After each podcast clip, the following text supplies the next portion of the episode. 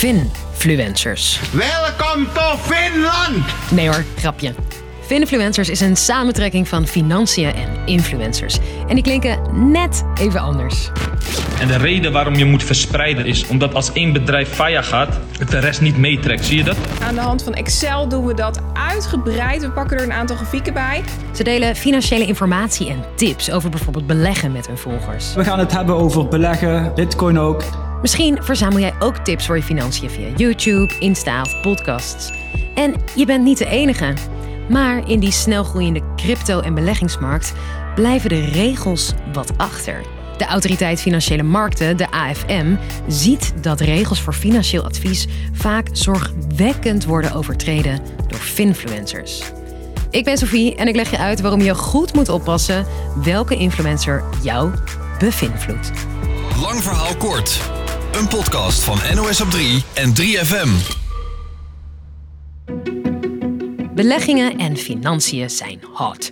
Van de mensen tussen de 18 en 30 jaar heeft 42% geïnvesteerd in traditionele beleggingen, zoals aandelen of obligaties, of in cryptomunten. En daarmee nam ook, vooral tijdens corona, het aantal financiële influencers flink toe.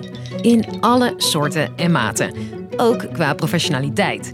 En dat is niet zo gek, zegt Teun van der Velde van de toezichthouder AFM. Zeker, want de informatiebehoefte is er. En zeker bij een groeiende groep startende jonge beleggers is die informatiebehoefte er. En dat vinden we in de basis dus ook goed, hè, dat daar uh, alleen maar extra informatie over is. Maar net zoals bij gewone influencers wordt er niet alleen gedeeld, maar ook verdiend. Door linkjes te plaatsen in stories of posts, investeringen of banken aan te prijzen. Of bijvoorbeeld door een samenwerking aan te gaan waarbij de influencer spreekt namens een bedrijf. En daar ziet de AFM. Dat er over het algemeen veel dingen misgaat. Want het is niet voor niets dat je bij financiële reclames op mainstream media waarschuwingen hoort zoals deze. Let op. Geld lenen kost geld. Want geldzaken zoals beleggen, lenen en investeren zijn niet zonder risico.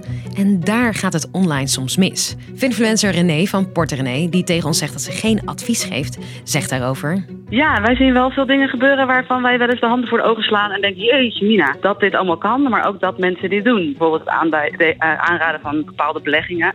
En dat gebeurt uh, in aandelen, maar zeker ook in crypto. Daar veel jonge mensen toch wel oren naar hebben. Bij de AFM, de financiële toezichthouder, kwamen steeds meer meldingen binnen van mensen die veel geld verloren na het opvolgen van tips van iemand die ze volgden. Dus werden 150 sites en social media accounts met gemiddeld zo'n 11.000 volgers onderzocht. De meeste van die influencers hadden geen relevante financiële opleiding, maar adviseerden zonder ook maar enige vergunning wel over bijvoorbeeld risicovolle, complexe financiële zaken. We spraken Lieke. Zij heeft het op Insta over financiën.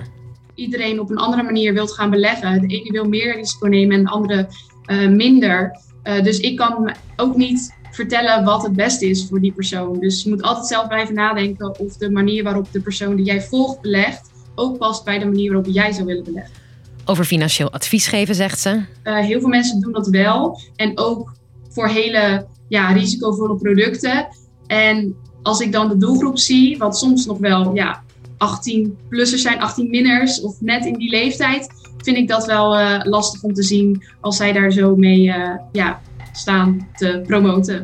De AFM benadrukt dat zeker niet iedereen het fout doet. We zien wel dat er in den brede uh, in valkuilen wordt gestapt. En dan hebben we het bijvoorbeeld over dus illegaal geven van beleggingsadvies of uh, je laten betalen door een beleggingsonderneming voor het aanbrengen van, van klanten of het aanprijzen van zeer risicovolle producten, in zee gaan met malafide partijen, dat soort zaken. Want iemand aanraden om zijn geld ergens te stallen mag niet als je daarvoor betaald krijgt van die partij. Bovendien zegt AFM, en dat verwijt krijgen meer influencers, best vaak wordt ook niet genoemd dat een YouTuber of Instagrammer samenwerkt met een grote partij.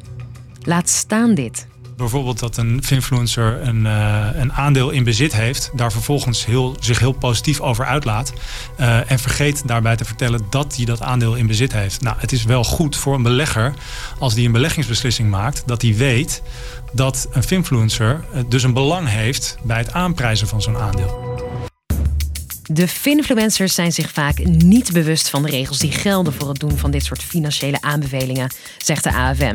Het belangrijkste is dat we uh, willen dat het beter gaat. Door deze publicatie en door dit onderzoek trekken we eigenlijk een streep in het zand. En verwachten we dus ook van finfluencers en van beleggingsondernemingen dat het, dat het beter gaat, dat uh, bepaalde praktijken stoppen. En ja, je kunt je voorstellen dat als wij concluderen na bijvoorbeeld een x aantal maanden uh, nog een keer goed te kijken en het gaat niet beter, dat we dan natuurlijk strenger zullen optreden. De AFM zegt niet welke influencers ze onder de loep hebben genomen, maar kondigde eerder dit jaar aan boetes op te willen leggen tot wel 1 miljoen euro. Dus, lang verhaal kort. Finfluencers moeten beter opletten op wat ze met volgers delen. Gaan ze komende maanden over de schreef, dan is de AFM van plan in te grijpen. Morgen rond de klok van 5 zijn we er weer met een nieuwe lang verhaal kort. Dankjewel voor het luisteren en tot dan.